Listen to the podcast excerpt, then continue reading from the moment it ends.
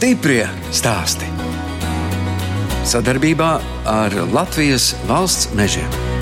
No lauksaimniecības darbiem viss ir apsēts. Pavasara trakums ir beidzies arī sēklu tirzniecībā. Mums ir klasiskā lauksaimniecība, rapši, kvieši, Mēs audzējam salīdzinoši daudz zirņus, arī audzējam zālājas sēklas, dažādi mauriņi, vēl daži futbola laukumi un tādas sēklas šobrīd tirgojam. Bet tur ar tas lielais pavasara trakums ir noskrējis un nu jau paliek mierīgāk. Un varam paši izdarīt kaut kādus neizdarītos pavasara darbus, vēl pabeigt un sākt par jaunām lietām domāt. Tā stāsta agronoms Mārtiņš Flaksis no Turbes novada Dunaukas pagasta zemnieku saimniecības krastmaļi. Es, žurnāliste Daina Zalamane, ārkārtas situācijas laikā turpinu zvanīt bijušajiem raidījuma dalībniekiem. Flakšu ģimenē agronomi ir jau trīs paudzēs, tāpēc krastmaļos 570 hektāros audzēja zālāju un citu lauksaimniecības kultūru sēklas. Par to, ko dara sēklu audzētāji, runājām arī pirms četriem gadiem. Sarunā piedalījās arī Mārtiņa vecmāmiņa Dace Griezīte un vecāki Iveta un Jurijs. Toreiz apskatījām sēklu noliktavu. Saimnieki tirgo gan ārzemju kompāniju, gan pašu audzētas sēklas. No pašaudzētajiem ir pļavas, auzene, timotiņš, baltais āboliņš, tad vēl pašu ir zīriņi, dzelteni, kaut kur vēl ir palikuši arī pelēki no iepriekšējiem gadiem. Šeit ir nesafasētās sēklas, vasaras kvieši, kas ir sēklai paredzēti, vasaras kvieši, kas ir šogad, diemžēl, iznākusi lobarība sakarā ar sliktiem apstākļiem, vairs nav kvalitāte. Tālāk apcirkņos ir zīriņi, kas ir vēl arī pa ziemu jātīra un kas sēklai paredzēti. Un otrā pusē ceļam esat uzbūvējuši arī jaunu noliktavu. Otrā pusē ir jauna noliktava, paredzēta vairāk gatavai produkcijai. Ko tad īsti nozīmē tā zālāju sēklu kopība? Ir zālājas sugas, kur vienā gramā ir kāds 2000 sēklas iekšā, un tas tam, tam 2000 sēklām ir arī jāievēro tas tīrības procents, lai tur būtu ne vairāk par 0,2% piemaisījumi, piemēram, citas sēklas.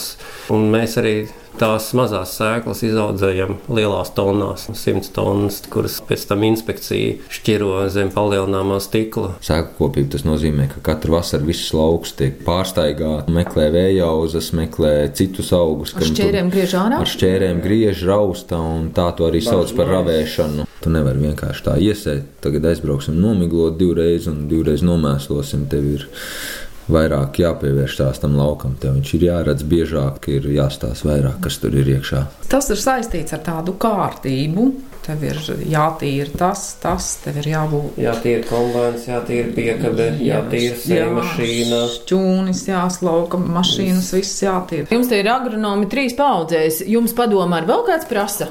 Agronomu lietās? Nē, nē, kas tur nu vairs prasīs? Viss jaunas modas, tagad jau nav vairs tā, kas senāk. Nekūts mēsls vairs ved uz lauku, neko, nekas nesmaržo vairs pavasaros. Mārtiņš ir korifejs savā tajā lauciņā, kas attiecās uz mauriņu lietām, un viņš ir interesējies, mācījies, Zviedrija, Dānija. Viņam tā upsala un tās valodas zināšanas pavēra iespēju kontaktēties Jā. ar visu, kas ir pasaulē jauns, un tur mēs nestāvam līdzās. Un jums ir Tas arī ir interneta veikals? Interneta veikali ir sadarbības partneri pa visu Latviju. Eiropa jau ir nu, arī kā liels vienots tirgus un ir te pašā e-veikalā ir bijuši pasūtījumi, piemēram, no Polijas. Un kā jūs sūtat? Ar loģistikas firmām. Jums ir arī milzīga atbildība. Nu, ja jūs gribat, lai tas pircējs nākamreiz nāk pie jums, tad jums ir jānotur visu laiku tāda augsta kvalitāte. Kvalitāte, man liekas, šeit vienmēr ir bijusi. Vienmēr tiek domāts ļoti daudz par kvalitāti. Mārtiņš Flaksis no zemnieku saimniecības krastmaņa stāsta, ka arī šopavasar sēklas tirgo internetu veikalā. Šopavasar bija vienkārši izteiktāk, kad ir arī mazāki pirkumi tajā internetu veikalā. Ja pirms tam bija tiešām tikai lielie, tad šobrīd bija izteikti arī vis kaut kādi mazāki un 10 kg sēklas vai kilogramu sēklas vai pat, pat 250 gramiem pa 100 gramiem sēklas. Varbūt arī tas, ka cilvēki baidījās iet uz veikaliem un tad tie, kas māk apieties ar internetu un zina jau uzņēmumu un pasūta un ir ir gatavi gaidīt dienas, divas, trīs, bet aiziet līdz pakomātam vai kurjers, kad pieved pie sēdes klāt pie mājas. Ir vienmēr mazie kaut kādi daudzumi, ko mēs ejam eksperimentu nolūkos. Tās pašas kvinojas šogad ir lupīna, ko mēs sējam arī sēklaudzēšanai speciāli. Ir zirņi, cita šķirnes, cita veida drusciņi no Vācijas speciāli vesti, ko mēs arī pavairojam priekš Vācijas uzņēmumiem. Vienmēr katru gadu ir kaut kādi eksperimenti. Es kaut kad skaitīju tās kultūras, cik mums ir dažādi. Šobrīd bija kaut kāds 11, 12 dažādām kultūrām saimniecībā. Dažādas stiebras zāles, pļausauzene, sarkanā auzene, facēlī. Mēs audzējam ļoti daudz, ļoti interesants augs, kas pašam ļoti patīk un ļoti skaisti zied. Tas ir bitēm nektāra augs. Ja pagājušajā gadā bija 70 hektāri, šogad mums ir 40 hektāru lauks iesēts. Smuki sadīts šobrīd un izskatās ļoti cerīgi. Cerams, ka tā būs arī uz ražas kulšanas laiku. Puķu pļāvis tas ir ļoti šogad aktuāls temats arī mums pašiem.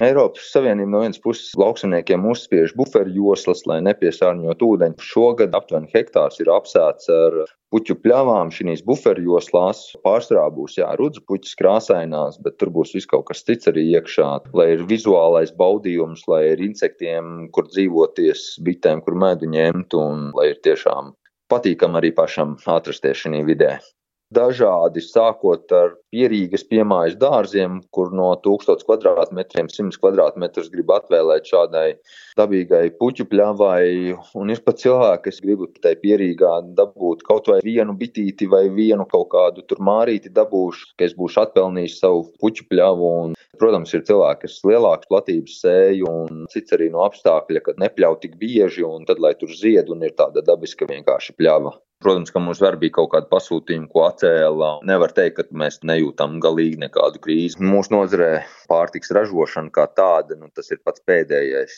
Jo cilvēks var neceļot, cilvēks var nebraukt nekur, cilvēks var varbūt nepirkt jaunas drēbes, bet ēst viņš gribēs vienmēr un pārtiku vajadzēs. Savā ziņā šobrīd salīdzinoši droši jūtamies. Nav tā, ka ir milzīgs kaut kāds krīzes vai kaut kas ir, bet no otras puses, jebkura ekonomiska svārstība var just, un tas atsaucās uz jebkuru no mums Latvijā, es domāju. No vienas puses ir forši, nav vairs tik daudz jābrauk kā riņķī, un pēkšņi visas konferences, viss kaut kādi pasākumi tiek atcelti vai pārcelti kaut kādos online. Tas bija nosacīt patīkams, varbūt pārsteigums, pat, kad reāli pasauli var apstāties, ka lidmašīnas var apstāties.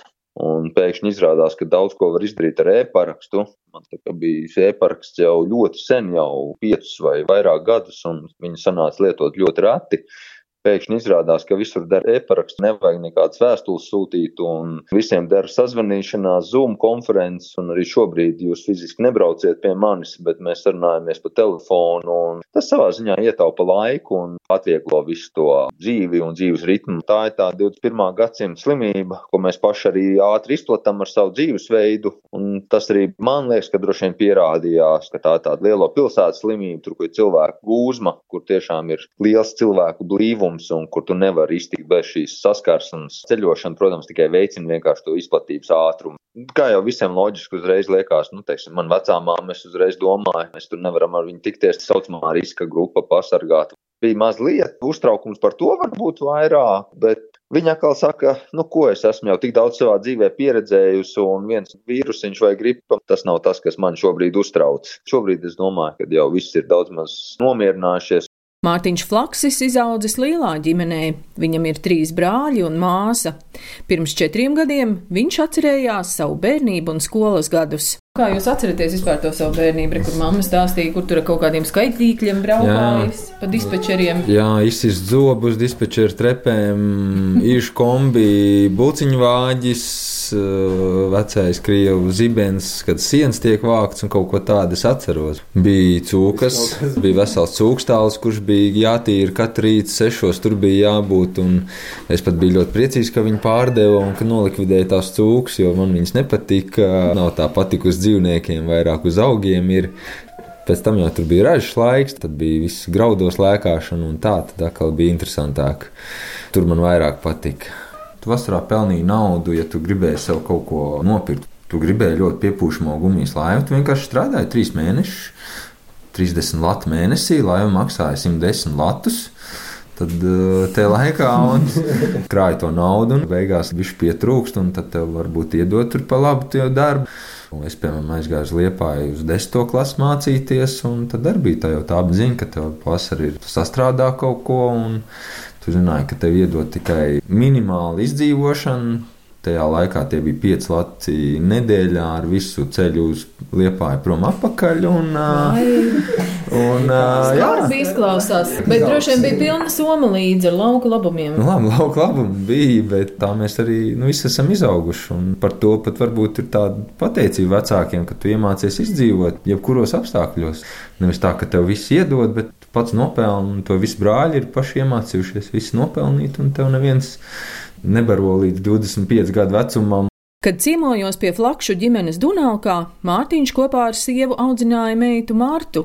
Šogad pasaulē nākusi otra meita - Matilde. Paldies par to manai sievai, par visu to uzcītību, un kad es varu darīt lietas, kas man patīk arī Paldies manai ģimenei. Skolā iešana, zobu krišana šobrīd ir aktuālais jautājums, un viss ir veseli un viss rit dabisku ceļu bez liekiem satraukumiem.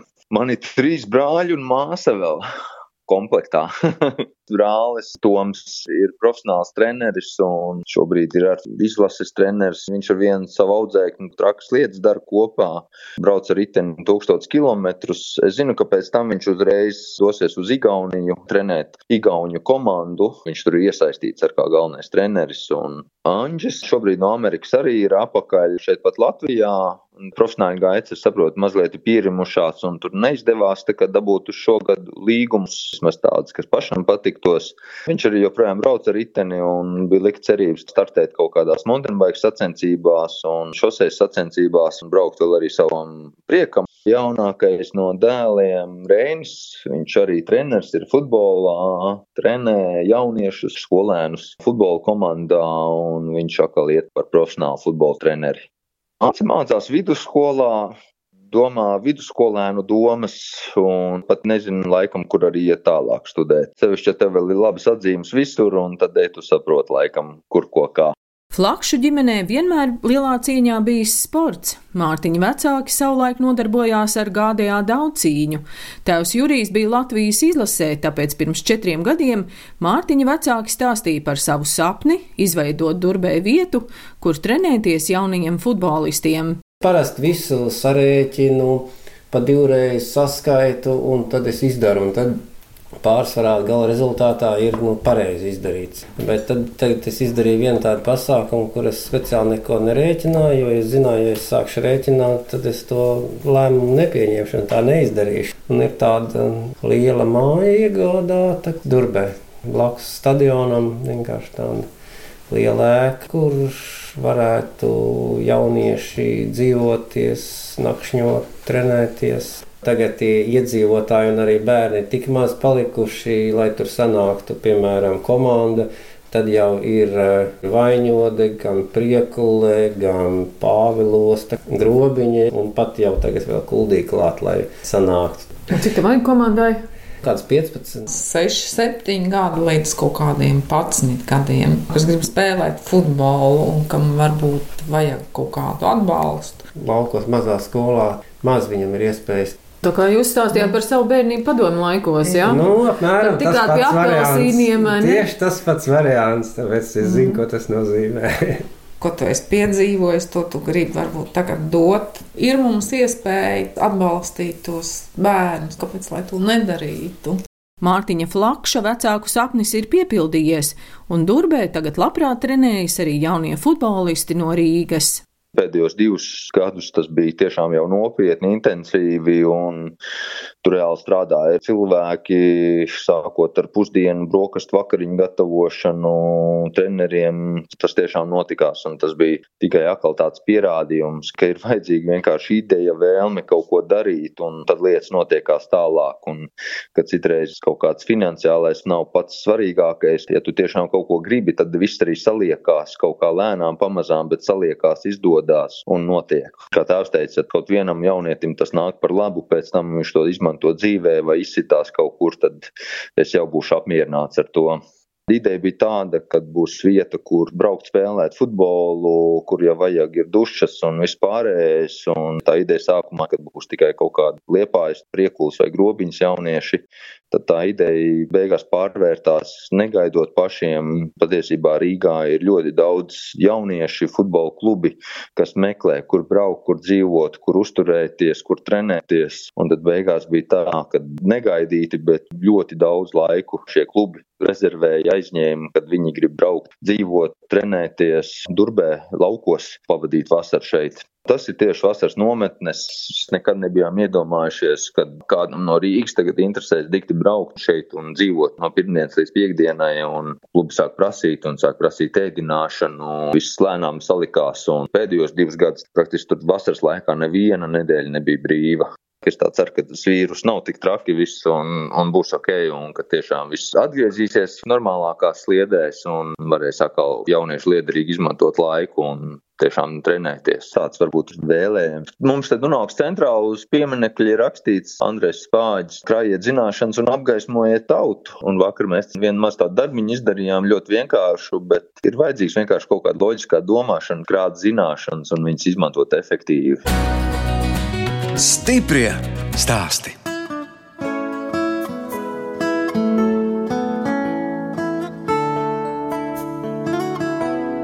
Jūs klausāties raidījumu stipri stāstī, un raidījuma turpinājumā zvanu Annai Jurgaitei uz Dobeles novada Bikstu pagasta priedaiņiem. Viņa jau trīs gadus mājās gatavo ziepes. Jā, bet kā jums labāk, kas esmu iekštelpās vai ārā? Šodien jau ārā gribās visu laiku būt un darīties. Labi, tūliņ būšu iekšā. Anna Jurgaita ziepes sākumā pagatavojusi kā dāvanu radījumu Ziemassvētkos, tikai pēc tam radās ideja, ka ar ziepju gatavošanu varētu nodarboties arī ikdienā un to darīt lauku mājas bēniņos. Šeit notiek gan mēražošana, gan darbnīca. Pie tā galda notiek uh, ziepju vārīšana. Uz šādas mazas elektriskas plītiņas jūs to darāt? Jā, jo tā kā es izmantoju karsto metodi, ko sauc par galda virsmas metodi. Tas nozīmē, ka es uh, lielajā katlā visas nepieciešamās eļļas un traukus izkausēju. Piemēram, augstam ūdenim pievienojot cārmu, ūdens uzkarst. Tur notiek ķīmiska reakcija. Šī plītiņa man ir vajadzīga tikai uz īsu brīdiņu, uz kaut kādām minūtēm, piecām, desmit. Pēc tam katlu noliekot uz galda, notiek ķīmiska reakcija starp uh, tokskāpēm un sārmu. Notiek šis pārziepēšanās process, un ziepes pašas no sevis vārās uz galda. Bet jūs kaut kur mācījāties tā pašmācības ceļā? Pašmācības ceļā, jā. jā. Nu, ja tev interesē, un ja tu aizdedzies par to un aizraujies ar to, tu visu vari pats iemācīties. Ne tīpaši pie mūsdienu informācijas pieejamības. Lasi tik! Mācies, eksperimentē. Visi mācību video internetā, un tā kā man tā angļu valoda ir tāpat kā latviešu valoda, tad ļoti plašs informācijas klāsts ir, no kura mācīties. Nu, redz, kur šeit ir tā jūsu produkcija, jā? Jā, šādi kastēs žūst gatavās ziepes. Katram darbam tiek piešķirts savs stāsts, savu pievienotā vērtība, nosaukums, Piemēram, šīs ziepes rudens kā rudens. Klāt vēl tiek piemaltas krustnagliņas un kanēlis. Ingvera un apelsīna etriskās eļas, tāds ļoti rudenīgs, ziemīgs aromāts. Nosaukums ir radies dēļ ļoti skaistas prāta vētras dziesmas. Vispopulārākais no ķermeņa krēmiem ir liepas satums, kas ir ar liepziedu aromātu. Viens no mīļākajiem dziniekiem ir čaks, Es abrīnoju, kā viņš māk dzējā un vārdā uzburt smaržas un garšas un tik niansētas sajūtas, ka tev liekas, ka viss tas, ko tu lasi, ir pilnīgi dzīves. Ūdens vietā un ziepēs var iestrādāt jebko, kas ir šķidrs. Piens, paniņas, alus, tēju, novārījumi, augu, augļu sulas. Man ir arī dzimtenes sētie bērzi, kas ir bērzu darbas un bērzu sulas ziepes. Paši audzējam kliņģerītes, kumelītes, viss rozmarīns un timjāns, lavanda un pārējo visu pa pļavām iet un lasam pa mežu. Sarkanu āboliņu, ratpodiņus un madaras, un, nu visu, ko var iedomāties. Vīgriezes, apiņus gar upē, ja vīrs man iet vākt, mums tur gar bērzes upi labi apiņu aug. Jo gribās tās arī receptes tādas ritīgi latviskas un savādākas, lai nav tikai tā pierastā roze lavanda, jā, bet, piemēram, ja kur burkāna ar alveju, tad man ir ķirbju sulas ziepes no pašu ķirbiem, tad ir paniņu ziepes ar ķīmenēm, dažādi veidi alu ziepes, ļoti alus patīk. Tāds koka kastes iet 6 kg ziepju. Veidnes vīrs sataisīja. Mēs mēģinām izmantot. Tur izstāsta, ka no tādām pat atvilknītēm. Jā, Un ar ko jūs tās ziepītes sagriežat gabaliņos? Ziepes griež gabalos ar šādu skaistu smalku aparātu. Pirmo griezēju man uztaisīja vīrs. Tas ir kaut kas līdzīgs siera griezējam. Jā, jau te ir maza stieplīte, jā, lai sagriežtu tos gabaliņus. Jā, un šeit ir 18 stieplītes. Tā kā ģitārai viņas var arī nospriegot. Tad, kad izņem no lielās veidnes ārā šo stieni ar ziepēm, tad viņi ieliek šeit iekšā un viņš uzreiz sagriež vienādus 20 gabalus. Šopavasar Anna savā uzņēmumā Ezervanna izgatavojusi ziepes no ievu ziediem un mizām. Tepat tās pie mājām, mežmalā, daudz ievas augušas. Mums māja ir pie meža, un ievu mizas saplēš, sasmalcina, un tad aplēja ar eļļu, un tad viņas nostādina, taisa izvilkumu ilgāku laiku, un tad viņas nokāš, un tad no tās eļļas taisa tās ziepes. Ieva ļoti spēcīga ir savā būtībā. Miziņu arī var sakaltēt un samalt un pirtī iet, skrubēties, bersties. Kā jau trešo gadu strādājot, jau sākam saprast, kas cilvēkiem patīk labāk, ko ir iecienījuši.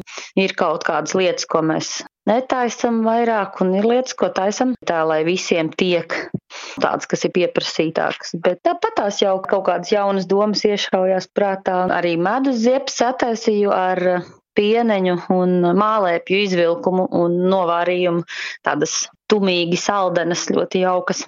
Uz peoniju ziedēšanas laiku šogad plānoju peoniju ziepes taisīt tādas īpašākas. Esmu sažāvējis ābeļziedu pumpurus priekš dekora un taisīšu tādas tā kā kāzu ziepes.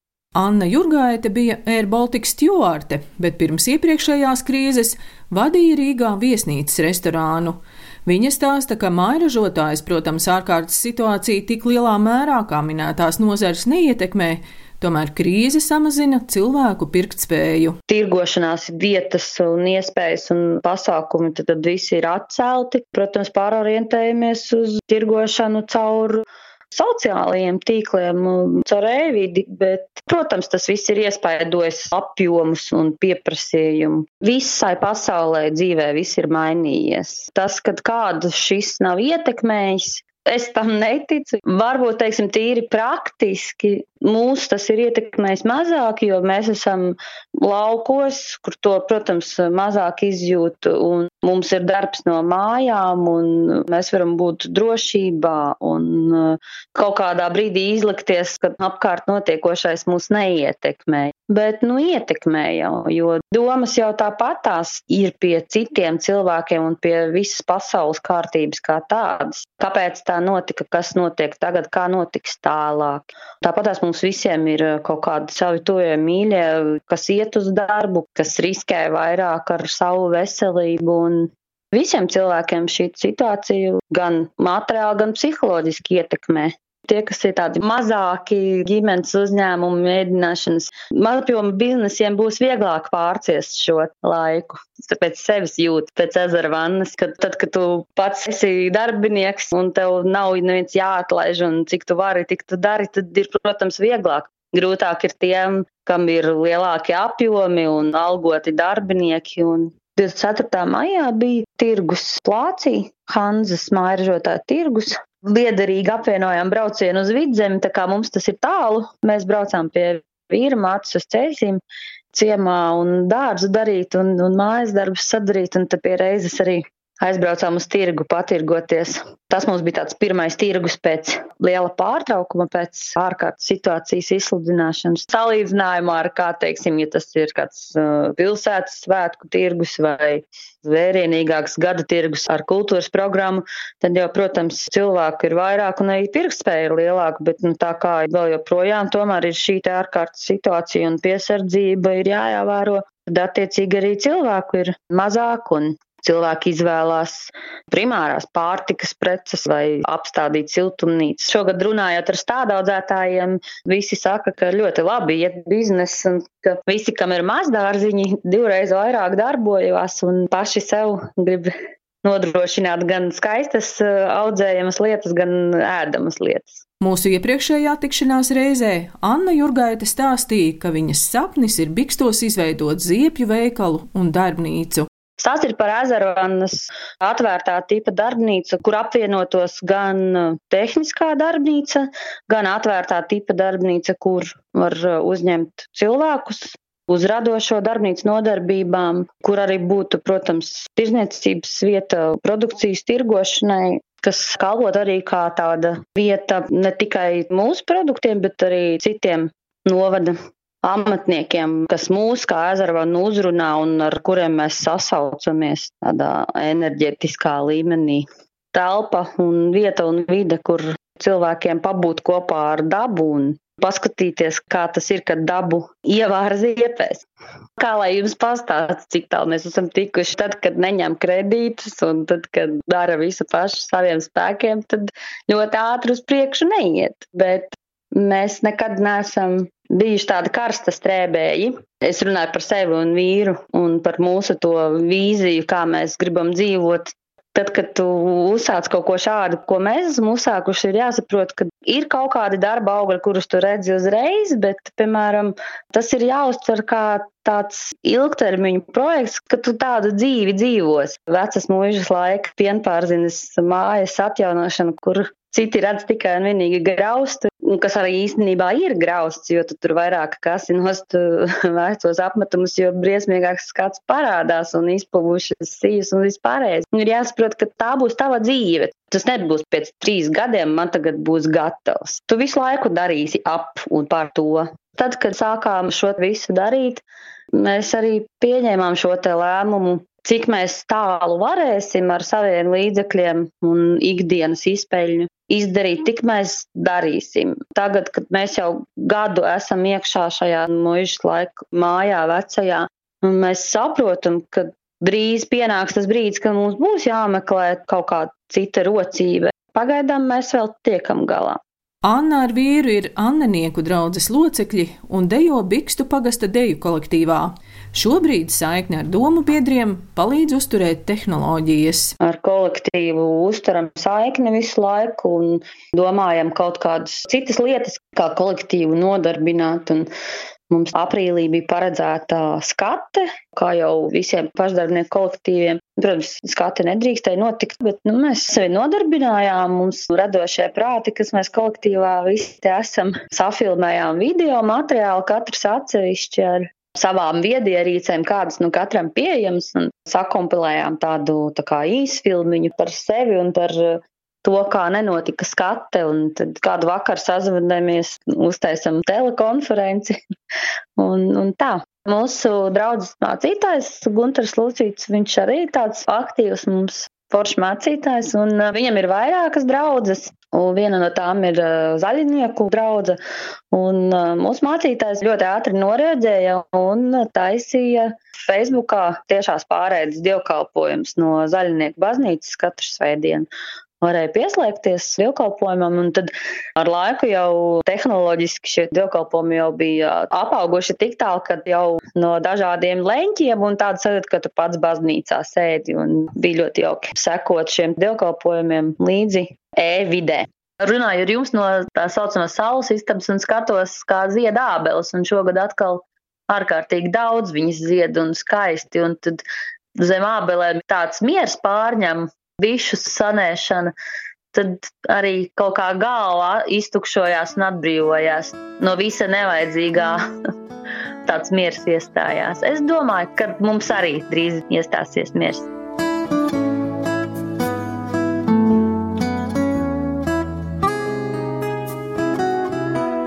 Raidījums stipri stāst izskan, un es atvados no Annas Jurgaites, kas Dobeles novada Bikstu pagasta priedaiņos, gatavo ziepes un citu kosmētiku no dabas veltēm. Bet Mārtiņš Flaksis, agronoms jau trešajā paudzē, kopā ar vecākiem Durbes novada Dunākas pagasta krasmaļos, audzēja zālāju, puķu pļavu un citas sēklas. No jums atvedā žurnāliste Dāna Zalamane un operātore Inga Bēdele, lai tiktos atkal tieši pēc nedēļas.